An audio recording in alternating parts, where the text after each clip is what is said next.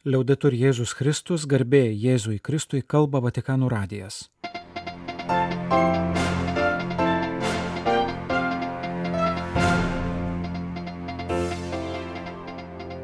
Malonus klausytojai šioje programoje. Popiežiaus katecheze apie rustumo įdą ir šventą pasipiktinimą. Maldos intencija vasario mėnesiui. Audiencija režisieriui Martinui Scorsese. Karas Ukrainoje ataskaita apie sugriautus maldos namus ir kariuomenės kapelionų pasakojimas.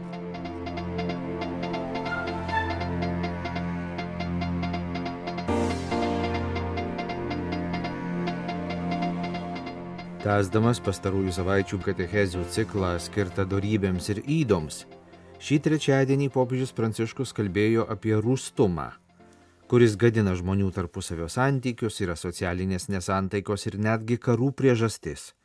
Vis dėlto, kai kuriais atvejais galima kalbėti ir apie pozityvų rūstumą, apie šventą pasipiktinimą kaip reakciją į neteisybę. La persona dominata dall'ira difficilmente riesce a nascondere questo impetu.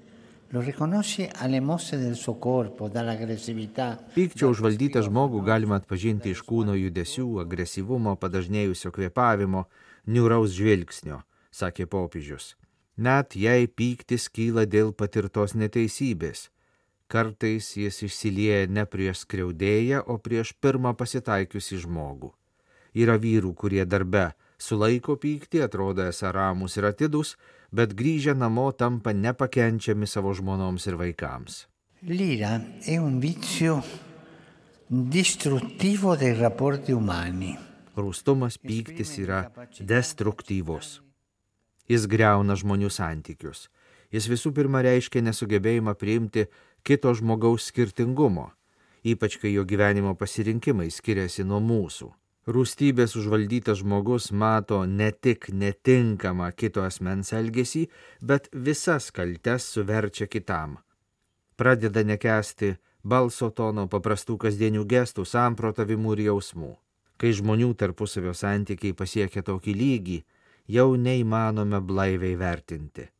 Viena rūstumo ypatybių yra ta, kad laikui bėgant jis vis auga. Tokiais atvejais net atstumas ir tyla neslopina, nesusipratimus, o juos tik dar padidina. Būtent dėl šios priežasties apaštalas Paulius krikščionims siūlo nedelsiant spręsti tarpusavio santykių problemas ir mėginti susitaikyti. Tegul saulė nenusileidžia ant jūsų rūstybės, skaitome Šventojo Pauliaus laiške Efeziečiams. Importante che tutto si sciolga subito, prima del tramonto del sole. Svarbu, kad viskas ištirptų tuo jau pat, kol saulė dar nenusileido. Diena gali kilti nesusipratimų, tačiau reikia būtinai juos išspręsti iki vakaro. Neatiduoti nakties velniui, sakė Pranciškus. Popiežius atkreipė dėmesį, kad apie šį žmonių tarpusavio santykių aspektą kalbama ir tėvė mūsų maldoje, kurios Jėzus išmokė savo mokinius. Mūsų tarpusavio santykiai niekada nėra tobulai lygi plokštuma. Dažnai tenka susidurti su žmonėmis, kuriems esame nusikaltę arba kurie yra nusikaltę mums. Tarp mūsų dovanotos ir gautos meilės niekada nėra tobulos pusiausvyros. Visi esame nusidėliai ir visi esame ką nors skolingi kitiems. Todėl visi turime išmokti atleisti. Priešnodis pykčiui ir rūstumui yra gerumas, atvira širdis, nuolankumas, kantrybė. Rūstumas iš tiesų gali būti baisi įda, iš kurios kyla smurtas. Iliados pradžioje rašoma apie Achilo rūstybę, kuri vėliau taps begalinio gedulo priežastimi. Ma non tutto ciò che nasce dall'ira è sbagliato. Gli antichi erano ben consapevoli che in noi Tačiau ne viskas, kas gimsta iš pykčio, yra savaime bloga. Jau senovėje žmonės žinojo, kad kiekviename iš mūsų glūdi tam tikras piktumo pradas, kurio negalima ir nevalia nuneikti. Aistringas reagavimas gali būti nesamoningas. Mes nesame atsakingi už pyktį, kol jis yra tik spontaniška reakcija į išorinį stimulą. Tačiau neturime leisti pykčiui vystytis. Kartais gerai išlieti savo emocijas, tačiau ne visi būdai yra tam tinkami. Jei žmogus niekada nesupyktų, jei nesipiktintų neteisybę, jei ramiai žiūrėtų į kitam daromą skriaudą, tai reikštų, kad jis nėra žmogus, o juo labiau nėra krikščionis. Yra toks dalykas kaip šventas pasipiktinimas. Popiežius priminė prekeivių išvarymo iš Jeruzalės šventyklos atvejį. Jėzus niekada neatsakė į blogį blogiu, tačiau sieloje jautė šį jausmą ir, kalbant apie pirklius šventykloje, atliko tą pranašišką veiksmą, kuris buvo padiktuotas ne pykčio, bet uolumo dėl viešpaties namų. Stai a noi, con l'aiuto dello Spirito Santo, trovare la giusta misura delle passioni. Priklauso nuo mūsų, sakė Pranciškus. Ar Padedami šventosios dvasios sugebėsime valdyti savo aistras, kad jos tarnautų gėriui, o ne blogiui. Po katechezės popiežius paminėjo Italijoje vasario pirmąją minimą karų civilinių aukų atminimo dieną ir šią progą prašė maldoje atsiminti mūsų dienų karų aukas, ypač žmonės, kurie žūsta ir kenčia artimuosiuose rytuose ir Ukrainoje. Tegul jų skausmo šauksmas pasiekia tautų vadovų širdis ir paskatina taikos projektus. Kai skaitome šių dienų istorijas apie karą, matome, kiek daug juose žiaurumo. Prašykime viešpati taikos, kuri visada yra švelni, o ne žiauri, sakė popiežius. Popiežius Pranciškus prašo vasario mėnesį kartu su juo melstis už nepagydomus ligonius. Cuando algunos hablan de enfermedades terminales, las confunden. Kai kurie žmonės, kalbėdami apie nepagydomus ligonius, kartais painioja dvi savokas - nepagydoma lyga ir nepagydomas ligonis. Tai nėra tas pats. Net kai tikimybė pasveikti yra minimali, Visi ligoniai turi teisę į medicininę pagalbą, psichologinę pagalbą, dvasinę pagalbą, žmogiškąją pagalbą. Kartais jie negali kalbėti, kartais mums atrodo, kad mūsų net pažįsta, bet jei paimame juos už rankos, jaučiame ryšį. Ne visada pavyksta išgydyti, tačiau visada galime rūpintis ligoniais, juos glostyti. Šventasis Jonas Paulius II sakė, Jei įmanoma, gydykime, bet visada rūpinkimės. Paliatyvioji slauga - tai suteikti ligoniui ne tik medicininę priežiūrą, bet ir žmogišką į palydėjimą bei artumą. Tokiomis sunkiomis akimirkomis šeimos negali būti paliktos vienos, jų vaidmuo yra lemiamas. Joms turi būti suteikta visa reikalinga fizinė, dvasinė ir socialinė parama. Oremos para que los enfermos terminales y sus familias reciban siempre los cuidados y el acompañamiento necesarios. Melskimės, kad ligoniai paskutinėme gyvenimo etape ir jų šeimos visada gautų reikiamą priežiūrą ir palydėjimą tiek medicininiu, tiek žmogiškojų požiūriu. Sausio 31-ąją Pranciškus privačiai prieėmė žinomą režisierių iš Junktinių Amerikos valstijų Martinas Scorsese. 81 metų režisierius daugelio žinomų filmų autorius nekarta yra kalbėjęs apie savo katalikišką tikėjimą, nuo kurio buvo nutolęs, prieartėjęs, dėl kurio buvo abejojęs ir kovojęs. Keli režisieriaus filmai skirti tikėjimo tematikai, kaip ir naujausias Pasak režisieriaus 2024 pavasarį prasidės jo naujo filmo apie Jėzų pagal Šusakų Endo romaną filmavimas. Paskutinėje savaitinėje apžvalgoje Ukrainos graikų katalikų bažnyčios didysis arkivyskupas Svetoslavas Šepčiukas citavo naujausius duomenis apie karo žalą Ukrainos religiniam paveldui ir gyvajai bažnyčiai. Tarp daugybės žuvusiųjų yra ir 25 kunigai ar dvasininkai. Italų katalikų televizija paskelbė interviu su apaštališkuoju nuncijumi Ukrainoje arkivyskupo Visvaldu Kulboku. Nuo karinės Rusijos invazijos pradžios nukentėjo mažiausiai 530 bažnyčių ir kitų maldos namų priklausiusių įvairioms krašto religinėms bendruomenėms, daugiausia ortodoksams. Ketvirtadalis yra sugriauta nepataisomai. Kai kurios šventovės nukentėjo po kelis kartus. Ukrainos žinių agentūrai Ukrinform sakė Ruslanas Halikovas, religijų tyrinėtojas ir projekto Religion on Fire vadovas. Pasak jo, daugiausia žalos padaryta Donetsko ir Kijevo apskritise. Čia sugriauta ar pažeista apie 200 maldos namų. Po to reikiuojasi Luhansko, Karchivo, Hersono ir Zaporižios apskritis. Tuzinai maldos namų nukentėjo kitose apskritise, kartais gana toli nuo fronto linijos. Kai kuriais atvejais žinoma apie tai, kas davė įsakymus ir kas juos įvykdė. Ortodoksams priklauso apie pusę iš kone pusšešto šimto nukentėjusių šventovių, kitos priklausė mažesniems krikščionių bendruomenėms - katalikams, protestantams, keliais atvejais žydams, musulmonams ir hinduistams. Ar tai nepadaro Rusijos didžiausia šių dienų religijos laisvės pažeidėja, klausė didysis arkivyskupas Svetoslavas Šepčiukas komentuodamas Ruslano Halikovo ataskaitą.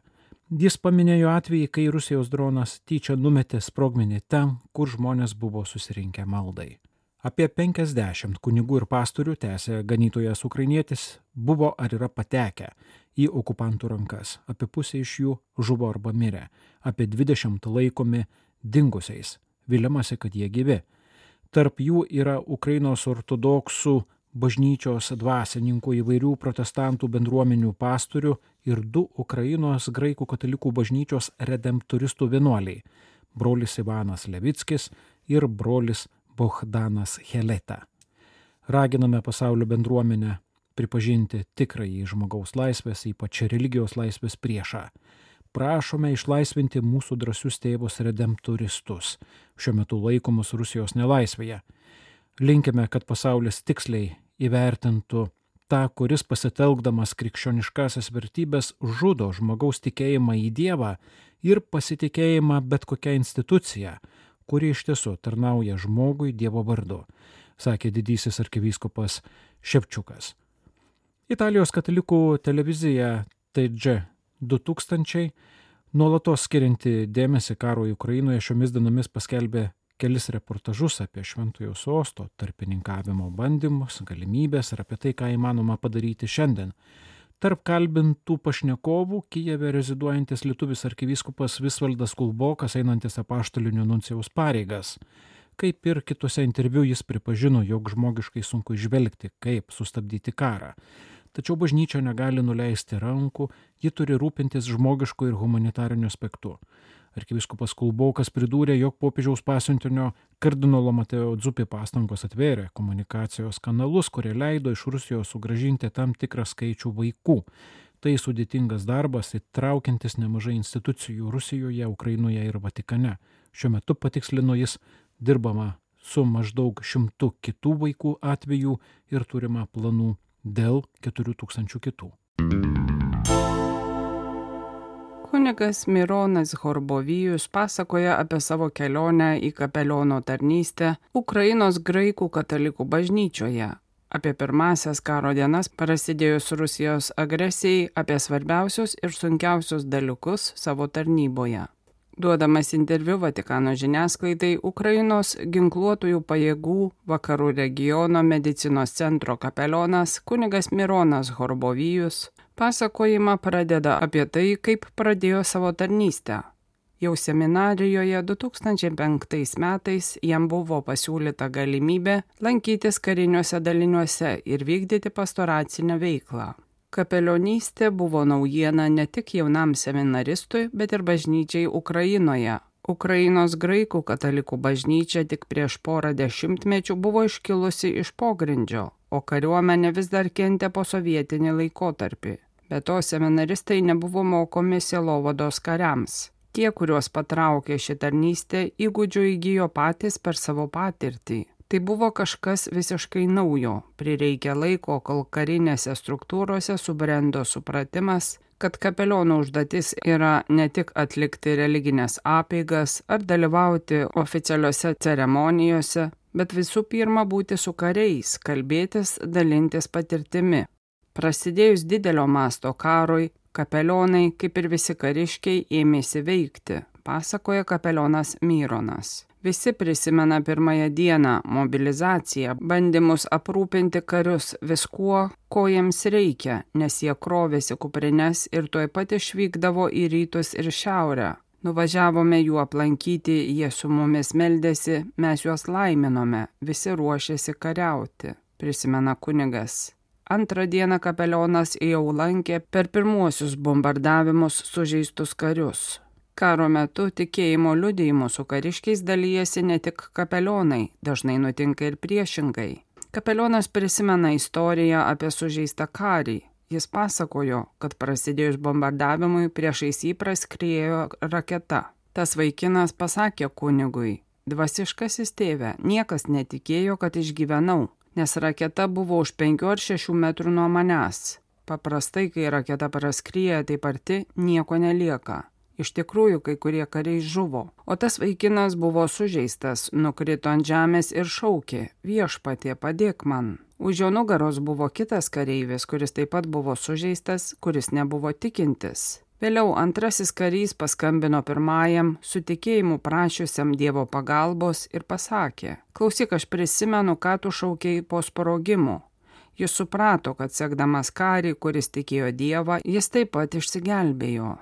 Karo kapelionui tenka lankyti karius ligoninėse. Kunigas pažymi, kad sunkiausia jo misijos dalis yra matyti žmonių kančias. Ganytojo pašaukimas ne tik užjausti kenčiančius, bet ir parodyti jiems kelią į išgyjimą ir vidinę ramybę. Todėl kapelionams taip svarbu pasirūpinti savo vidinę pusiausvyrą, stengtis nepasiekti išsekimų, Kunigas Myronas sako, kad didžiausia jo atrama yra Dievas, be jo, be maldos būtų neįmanoma, nes užsidaręs skausme labai greitai gali pritrūkti resursų. Karas tęsiasi jau beveik dviejus metus, daugelis kalba apie nuovargį, tačiau labiausiai pavargę yra kariai. Kaip krikščionis gali paremti sužeistus karius ir žuvusiųjų šeimas? Atsakydamas į šį klausimą, graikų katalikų kunigas teigia, kad pirmiausia turime visada atsiminti šiuos žmonės ir būti šalia jų. Kadangi kartais sužeisti kariai yra priversti gulėti lovoje ir negali išeiti į lauką, bendravimas su juos aplankančiais jiems prilyksta išėjimui, aiškina kunigas. Pasak jo taip pat svarbu bendrauti su šeimomis, kuriuo artimieji fronte, šioms šeimoms taip pat reikia paramos. Kai sužeisti kariai mato, kad žmonės juos prisimena, ateina aplankyti, tiesiog palaikyti ar ką nors atneša, jie aiškiai supranta, dėl ko aukojasi. Vieni prarasdami gyvybę, kiti sveikatą. Nes jei tave supa geri žmonės, kurie tave vertina, myli ir gerbė, tu nori saugoti šį gėrį, kad tuo galėtų džiaugtis ir tavo vaikai, tavo šeima, tavo draugai tada supranti, už ką kovoji, supranti, kad tavo auka nėra beprasme ir kad yra ką saugoti. Taigi vengti abejingumo yra pirmas žingsnis, kurį reikia žengti. Svarbiausia yra branginti kitus, mylėti, prisiminti ir nebūti abejingiems, apibendrina ukrainietis karo kapelionas kunigas Myronas Horbovijus.